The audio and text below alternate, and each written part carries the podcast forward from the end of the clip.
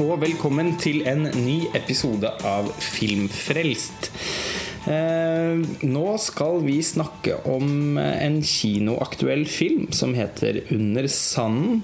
Den er dansk, regissert av Martin Zanvliet og er Danmarks Oscar-kandidat. Det er en krigsfilm som har gjort inntrykk på oss to som sitter her. Det er da meg, Lars Ole Kristiansen, og Pernille Risbråte Egeberg. Ja, hei, hei. Hei. Du har jo etter hvert blitt en stamgjest på Filmfrelst, så det er hyggelig å ha deg tilbake. Veldig hyggelig å være her. Og dette var jo også faktisk en episode som du tok initiativet til at vi skulle eh, lage. Ja, jeg følte at vi måtte prate om den her, altså. Rett og slett.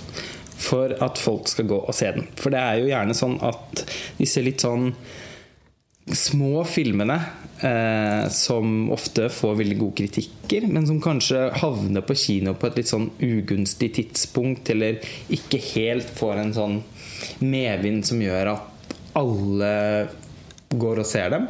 Det hender jo altså sånn Ta en film som 45 Years, eksempel, som ble distribuert av Arthouse. Den var det jo fryktelig mange som gikk også. Så det er ikke sånn at de såkalte små filmene eller festivalfilmene sånn aldri møter et publikum.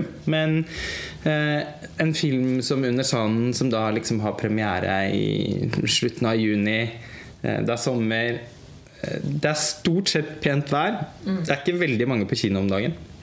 Havner litt under radaren. da. Rett og slett. Så derfor følte vi at det var eh, på sin plass. Og um, på, som sagt, du spilte opp til at vi, at vi kunne huke tak i akkurat denne filmen. Og da på det tidspunktet så hadde ikke jeg fått anledning til å se den selv, men eh, gjorde jo det. Og ble på samme måte som deg, så ble jeg veldig grepet eh, av den. Eh, Du kan jo kanskje presentere filmen for lytterne våre. Hva, hva handler den om? Ja. Uh, under sanden, eller Under sandet, har også den eh, meget treffende engelske tittelen 'Land of Mine'. Uh, så veldig uh, bra dobbeltbetydning der. Det handler vel egentlig om at krigen er ferdig, og da er det ikke noe mercy overfor tyskerne, for å si det sånn. Men det forstår jeg jo, fordi de har plassert opp mot to millioner landeminer langs den danske kysten. Og det skal de søren meg få rydde opp i òg. Så det danske militæret holder igjen en haug av tyske soldater og krever at de skal rydde opp. Eh, Og om de kommer seg levende gjennom det, så får de dra hjem igjen. Og grunnen til at Under sanden eh, blir så utrolig sterk, er vel kanskje egentlig primært fordi at eh, disse vi følger, er jo så utrolig unge. Så øh, hovedrollen er jo da sersjant Carl Rasmussen, spilt av Roland Møller, som får eh, en 15-16 eh, unge Eller 14, kanskje. Ja, en, en gjeng med unge tyske gutter som han har ansvar for. Uh, og de er ikke Ingen av de er vel over 16-17 år gamle. Nei. Nei. Og da må jo de, de bli plassert ved en strand og får da eh, beskjed om at de må detonere 40 000 landeminer. Og når de har klart det, så kan de få dra. Og det sier seg selv at alle kommer seg ikke helskinna gjennom det, da. Nei. Nei. Sånn er ikke virkeligheten.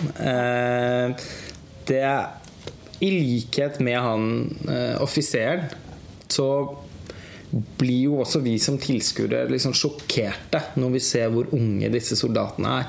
Altså, de er jo barn. Ja. Og selv om de har blitt sendt ut i krigen, så er det jo ikke sånn at de skal måtte stå til svars for eh, det Tyskland har gjort. Og det er jo det som eh, blir så hårreisende, da. Å se hvordan Og det, og det opplever jo også han offiseren. At han aner jo ikke hvordan han skal takle den situasjonen. Fordi han er i utgangspunktet et empatisk menneske. Men han har noen overordnede som er veldig sånn monstrøst fremstilt eh, i filmen. Og han har jo på en måte Han selv er jo selvfølgelig Ønsker jo at Tyskland skal brenne i helvete. Eh, Med god grunn. Med god grunn. Ja, ja. Så det er jo ikke Det må man jo forstå. Og man må også forstå at han har et veldig stort press eh, på seg. Ikke bare fra sine overordnede, men fra liksom det danske folk. Da. At eh, det vil være veldig provoserende for mange å se, at, se en dansk autoritetsperson behandle tyskere på en barmhjertig måte. Så han må på en eller annen måte Samtidig så er han dypt sjokkert over hvor unge de er, og føler at hele situasjonen bare blir veldig feil. Men veldig lenge så er det jo fortsatt sånn at han føler at han må nesten altså, holde et slags show, da. Hvor han bare bryter dem ned, både psykisk og fysisk, og behandler de som dritt. Nekter de mat og forventer at de skal kunne jobbe likevel. Ja. Til og med når de blir syke og har feber, så jager han de ut i sanden for å gjøre dette dypt konsentrasjonskrevende arbeidet som ved Hvis du gjør liksom hvis en, hvis en finger beveger seg i feil retning i to sekunder, så Så er det blå opp. Ja. sprenger du i lufta. Så eh, Og filmen følger jo da Den følger jo denne guttegjengen. Og, og vi får ganske sånn fin innsikt i relasjonene dem imellom. Men så følger vi også han offiseren.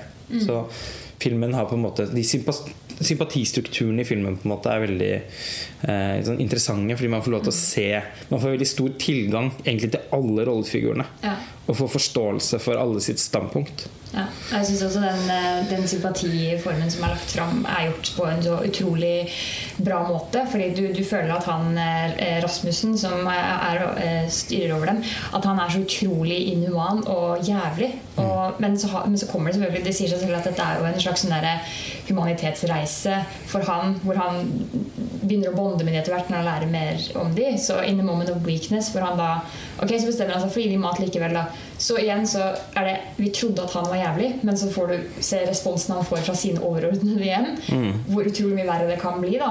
Så hans overordnede, eh, løytnant Jensen, som er spilt av eh, en ekstremt god Mikkel Bo Følsgård Det er han som også spilte i En kongelig affære. er Mm. helt superb. Ja, han er veldig bra.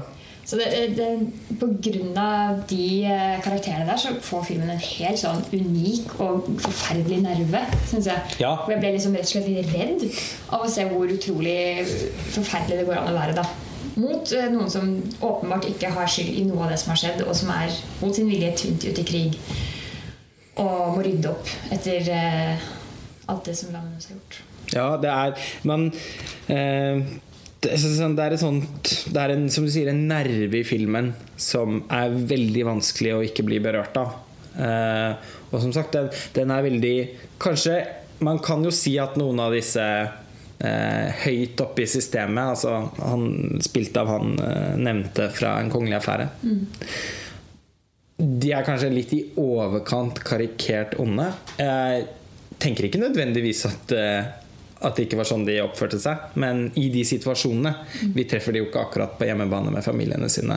Nei. De er jo de vi får minst tilgang til. Ja. Men eh, ellers er filmen veldig veldig god synes jeg, på å balansere de guttenes blikk og han offiseren. Fordi han gjennomgår en prosess. På et eller annet tidspunkt så klarer ikke han lenger å holde den masken sin. Da, fordi han merker at han begynner å bli glad i dem. Og han eh, blir mer og mer fremmedgjort overfor den absurde situasjonen som de har havnet i.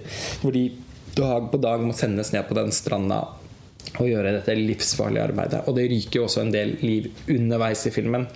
Og de andre guttene sine reaksjoner klarer jo ikke han å ikke ta inn over seg. Nei.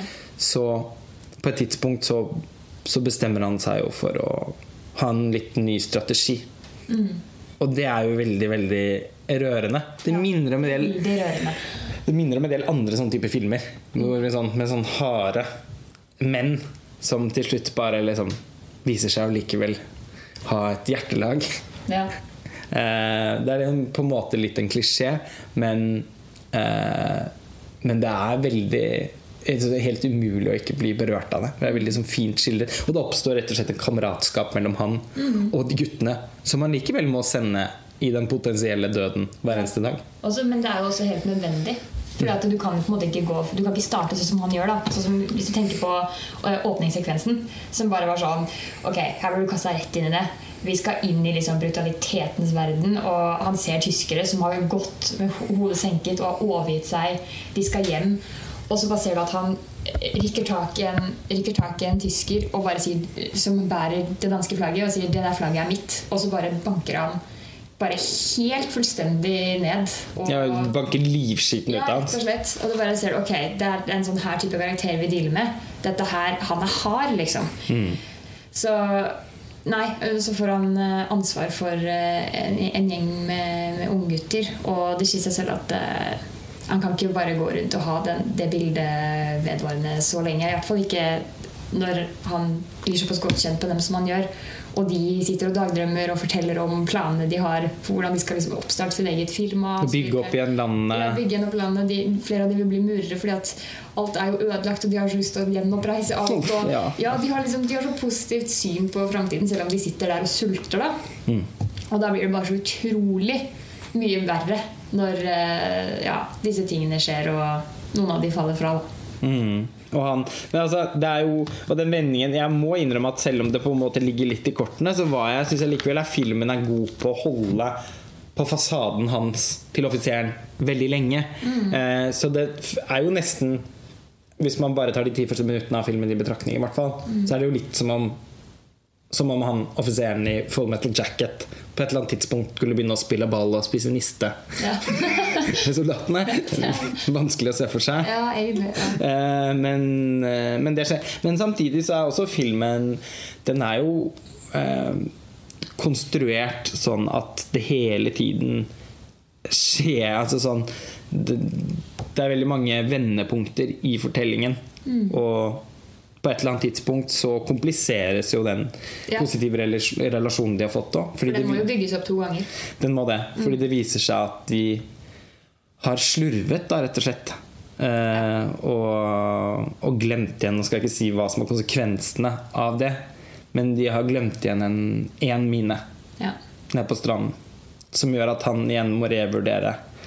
Eh, Om man har vært for snill. ja, altså man tenker om at, at den at det at han har slakket litt på disiplinen, har medført at stranden likevel ikke blir trygg. Og det må han stå til svars for.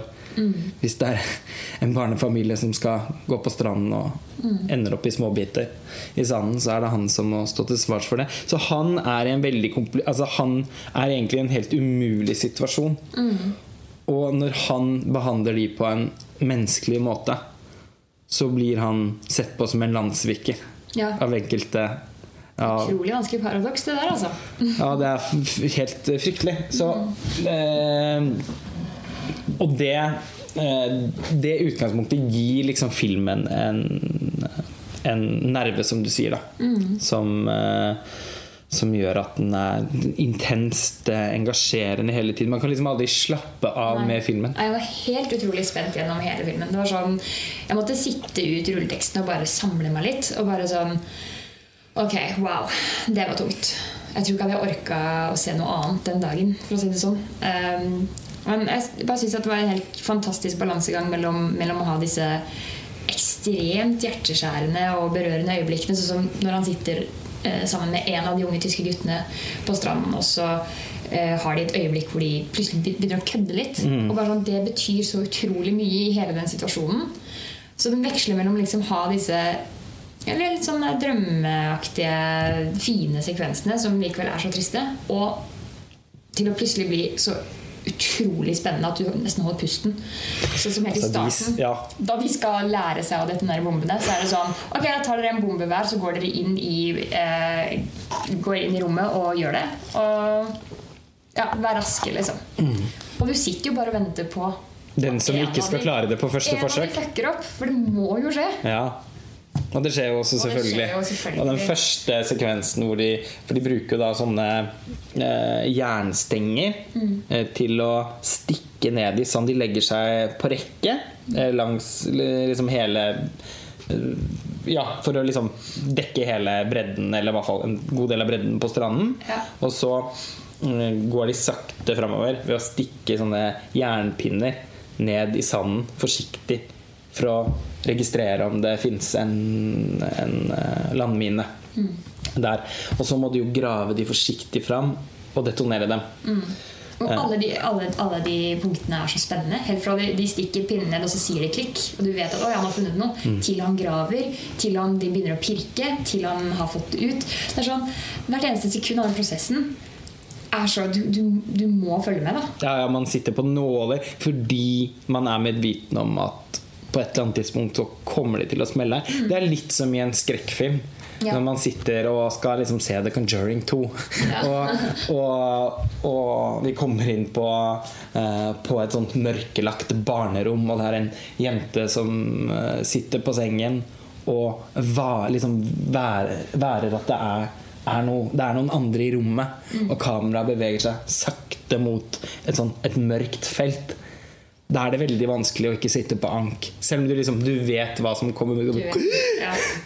Og, og akkurat sånn på samme måte som igjen en, egentlig da, en hvilken Nå sa jeg bare den fordi den også er aktuell på kino, men liksom egentlig en hvilken som helst sånn klassisk sånn jump scare-basert horrorfilm. Nesten litt sånn jump scare, faktisk. Ja. For du aner jo ikke når det skjer. Nei, men du vet at det skjer. Ja.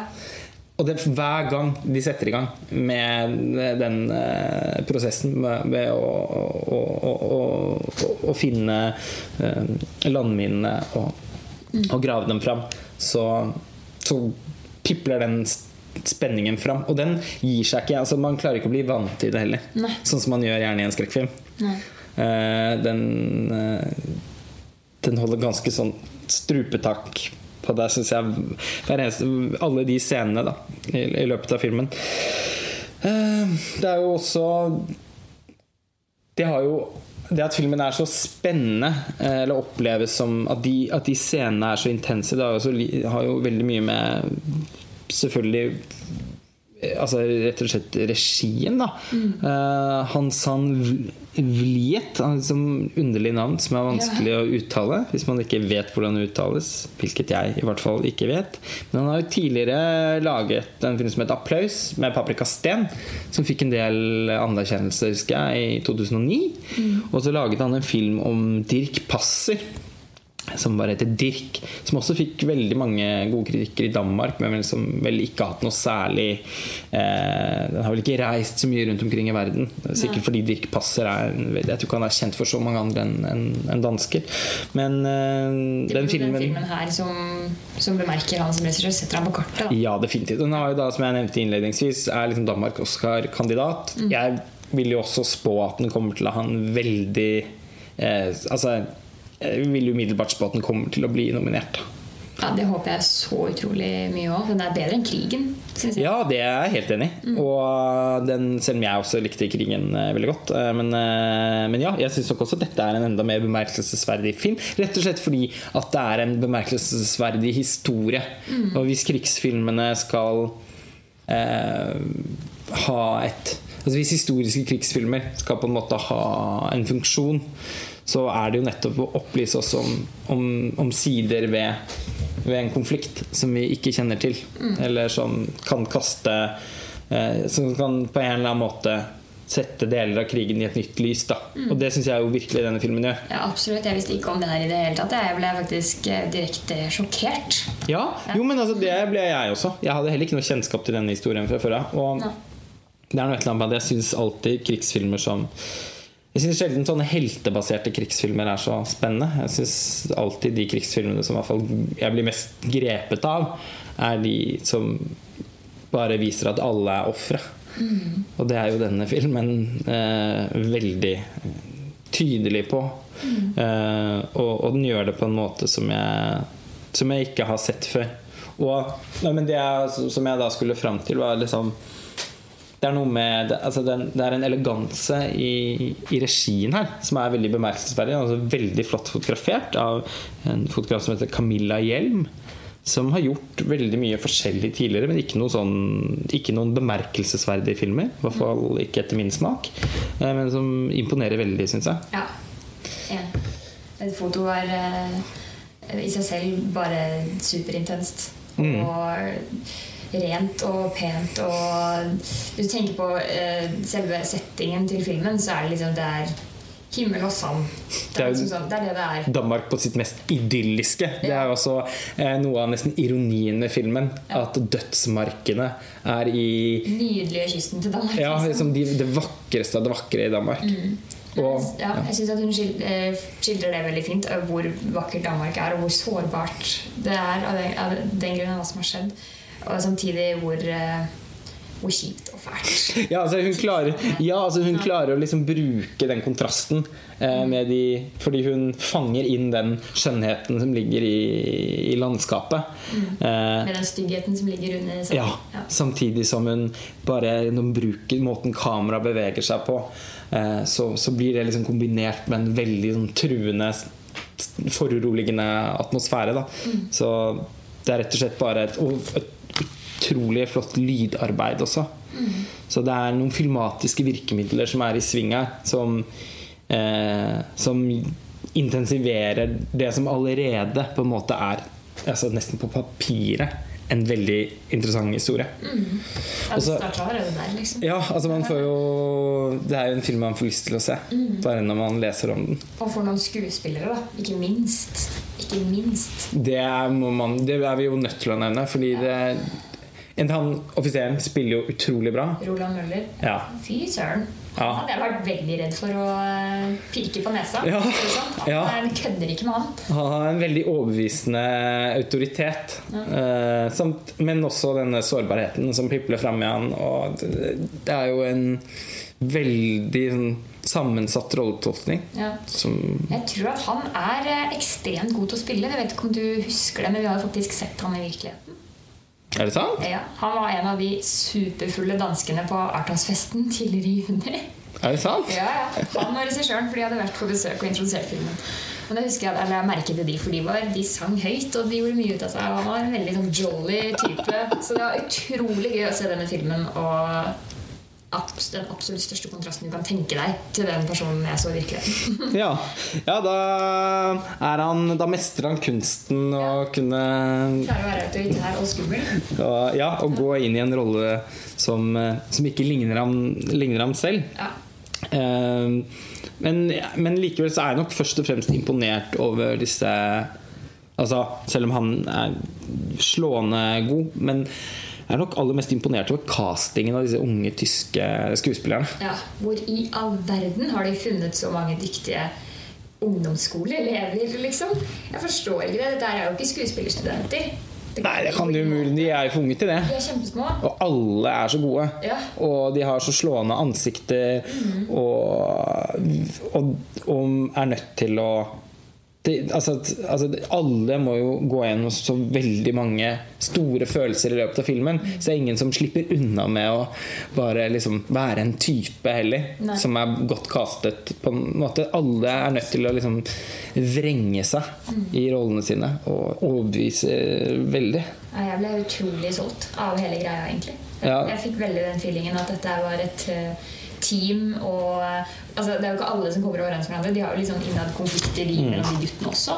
Og det er jo litt fint. Da får du litt sånn Du, du ser forskjellen på dem som karakterer, og du lærer litt hvem som er ledertyper, hvem som er de som kommer til å kanskje komme seg ut av det her.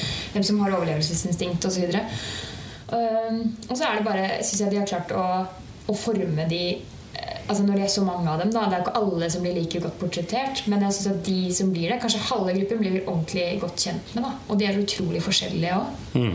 Og nei, jeg bare synes det Det virker som at det er akkurat som det var. da Ja, de har, Det tror jeg på. det er en skikkelig overbevisende ensemble. Mm. Og kjemien mellom dem og det samholdet blir skildret på en veldig troverdig måte.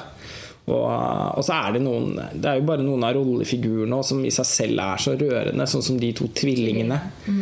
Eh, som hele tiden snakker om at de skal eh, Når de kommer hjem til Tyskland, så skal de starte et eh, De skal starte en sånn familiebedrift sammen, og de har åpenbart eh, som vel ikke er uvanlig for tvillinger, men et veldig veldig sterkt eh, forhold til hverandre. Da. Og, og er, er også de altså Også blant skuespillerne de som kanskje har det mest sånn barnlige utseendet. Ja, De kunne vært helt nede i 13-årsalderen nesten. Ja. 13 ja. Ja, så det er veldig, er veldig vanskelig å akseptere. Å se, ja, å se dem fiske etter disse landminene. Og nå skal, kan vi ikke røpe noe for lytterne våre, men det er jo ikke en film som nødvendigvis har en spesielt lykkelig slutt. Eh, eller som Det er en eh, Den føles veldig brutal, syns jeg. Eh, i, i Egentlig liksom i hele sitt vesen. Fordi selv om det er vel, eh, blir en del gode øyeblikk underveis, så er det, er det umulig å forlate denne filmen med noen som helst form for oppstemt Ja, følelse. Jeg får lyst til å sende alle de som gråt masse på Me Before You, eller et helt halvt år, på denne filmen og se om det har samme effekt. Ja, det kunne vært interessant. Veldig interessant eh, prosjekt. Mm. Men eh, selv, jeg satt eh, og hadde tårer gjennom hele filmen. Det var aldri sånn at jeg brast ut i sånn supergråt. Men liksom, det er bare, du hadde den sånn helt oppi brystet fra start til slutt omtrent. Ja, en sånn film som puster deg i ansiktet, Ja. og som du Og det er det, som er, det er det som er bra filmhåndverk, da. Ja, det er det. Ærlig talt. Ja, men det er det faktisk. Eh, og, det er, og det er også litt sånn innbegrepet på hva som er en skikkelig kinoopplevelse. Eh, nå er det jo en kinosommer som er preget av ganske mange daffe filmer. Ja, spesielt fra Hollywood. Det skal vi snakke nærmere om i en annen podkast. Men eh, Og da blir man Da er det en sånn film som Under sanden som skal til for å påminne en om hvor eh, hvor til stede man kan være Ja, på, på kino. Man kan bli. Ja. Bare, bare finn deg i å bli litt nedstemt. Og bare ta en dag hvor du tillater deg selv å ha det litt jævlig. Å gå og se under sanden. Ja. Altså, og hvis man skal si Jeg tenker at uh, Det var i hvert fall en film som jeg tenkte på når jeg så den.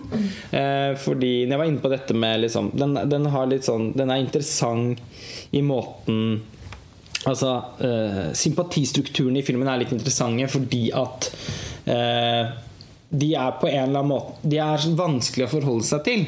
Fordi at eh, man har både Altså På en eller annen måte så er jo den personen som jeg virkelig kan føle en ident altså identifisere meg med, er jo egentlig han offiseren. Og den forferdelig vanskelige situasjonen som han havner i. Fordi at man blir også truffet av det at man som tilskuer på en måte Altså, det er jo ikke sånn at man bare helt ukomplisert kan sitte og si at det som gjøres, er helt feil. Det som er feil, er at de er altfor unge. Ja. Men det at Tyskland skulle komme og redde opp i den situasjonen, det er jo på en måte Altså, Hvordan skulle det, man ha gjort det på en annen måte? Nei, sant? Det skal ikke gå utover danskene sine liv Nei. Mer enn det. Altså, samtidig så er jo vi, med den avstanden vi har til, krig, til andre verdenskrig, så kan vi si ja, men et menneskeliv er et menneskeliv. Og om det var tysk eller om det var dansk, det var vel ikke det som var det, nødvendigvis var det viktige. Og hvor mange av de tyskerne som var i den krigen, var det som hadde lyst Nei, til å forlate eh, hjemmene sine og, og, og, og gå i døden for eh, altså sånn, det- og, det, og det er nettopp det som er interessant med å se krigsfilm. Da, og som krigsfilm på sitt beste kan igangsette. At man reflekterer over noen av de problemstillingene. Og Jeg tenkte underveis på filmen på Das Båt til Wolfgang Petersen. For der òg følger vi jo De er riktignok ikke like unge, men stadig vekk ganske unge. Eh, I hvert fall brorparten av, eh, av rollegalleriet er da unge marinesoldater som vi følger da eh, ned i denne ubåten, titulære ubåten. Eh, og det er jo en film da som foregår under andre verdenskrig, og som har tyskere i hovedrollene. Altså det er jo, vi følger jo da tyske marinesoldater. Og det er jo umulig fordi at filmen eh, sånn, altså, må, Måten filmen er fortalt på, gjør det jo på en måte helt umulig for oss som tilskuere å ikke sitte og litt banalt sagt heie på dem under filmen. Eh, samtidig som det er i seg selv en veldig sånn problematisk situasjon og, eller posisjon å havne i som tilskuer. Fordi det er veldig unaturlig å se en film fra andre verdenskrig og på en måte heie på Tyskland. Det er ikke fotball-EM. På en måte. Så det eh, Men den filmen nå er jo god på å bare Jeg føler jo at noe av hele poenget med filmen er jo at For den er jo på ingen måte en liksom Ja, det er på en måte litt en heltefortelling. Og den er jo laget av tyskere Altså den er jo en tysk film. Men det er jo ikke det som er poenget med filmen. Poenget med filmen er jo nettopp å menneskeliggjøre soldatene og vise deres fremmedgjøring overfor situasjonen der hvor de sitter x antall meter under vann og bare venter på at neste bombe skal smelle. Og bare teller dager til de skal hjem. Ja. Eh, og når de kommer hjem mot slutten av Das Boot, så blir de skutt alle sammen pga.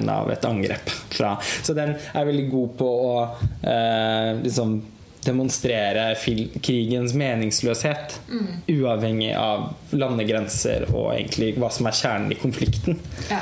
Og det er alltid noe jeg kan sette veldig stor pris på med en krigsfilm. Og Nei, det, det gjør jo også Under sanden. Ja, det er, det er faktisk eh, sykt mye mer eh, interessant å se krigsfilmer forma på den måten. Mm. Da men, menneskeliggjør selv de verste typene.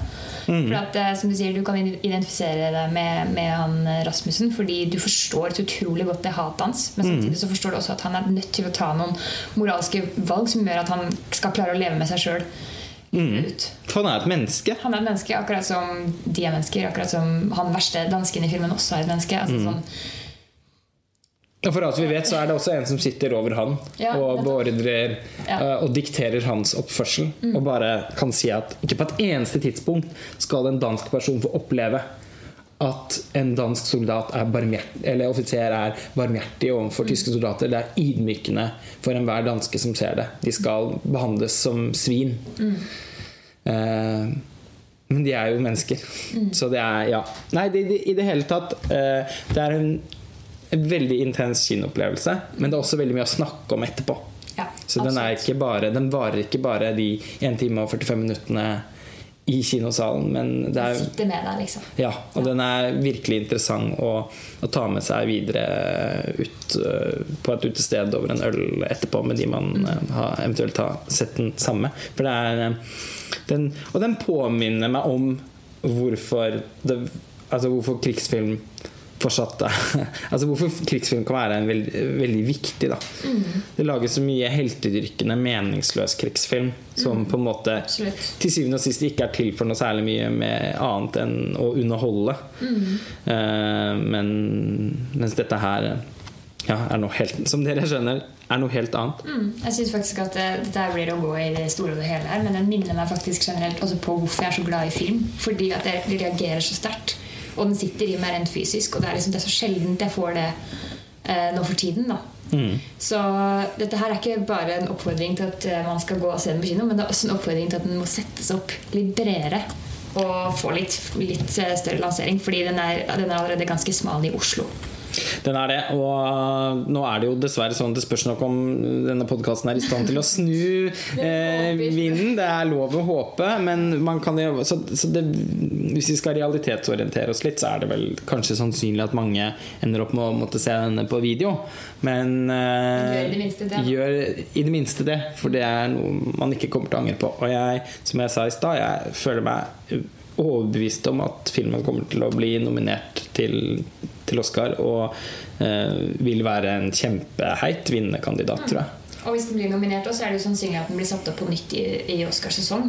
For da pleier det å gå en del sånne repriser. Det er sant. Uh, og hvis den blir nominert da, så vil jeg jo absolutt anbefale folk som ikke rakk å se den, om å få sett den på stort lerret. Ja, for det er virkelig en kinoopplevelse. Det må jo grunn av liksom bilde- og lydarbeidet uh, så, så er det litt vesentlig å i hvert fall ikke se den på Mac-en. Liksom. Ja. Det vil være uh, trist for, for filmen. Som en morsomhet til slutt så kan det vel også nevnes at jeg tror det må være Eh, sikkert den filmen da i historien hvor uttrykket 'herr Feldwebel' sies flest ganger. altså jeg tror hvis man hadde arrangert Det er jo det de er nødt Disse soldatene er nødt til å svare han offiseren hver gang han sier noe. 'Jeg har feltbibel! Ja, herr Feldwebel!' Det blir altså sagt så mange ganger at jeg tror at hvis man hadde arrangert en slags drikkelek, eventuelt en sånn russeknut eller noe Har du hørt om den her feltbibel', eller? Hvis du, du må shotte én shot for hver gang de sier herr feltbibel' i en sånn dansk film som heter 'Under sanden'. Og så får du Nudeberg i lua. Ja. Eh, Jeg tror du blir henta i ambulanse før, ja. i god tid før den filmen er ferdig. Jeg er overbevist om at de kanskje sier det sånn kanskje tusen ganger. Eh, Det høres ut som en sånn ufrivillig lol for filmen, og det er det ikke. Men det er, jeg bare bet meg merke det. Ja. At eh, det var påfallende mange Det er litt morsomt ord å si så mange ganger. Ja, feltvibel, for det er men du litt får sånn ikke lyst til å le heller. I- Nei, det er, det er ikke så mange Den kiler ikke lattermusklene, denne filmen. ja. Men uh, ordet 'herr Feltvibel' er litt sånn morsomt ord å si. Ja. Og, og de sier det veldig mange ganger.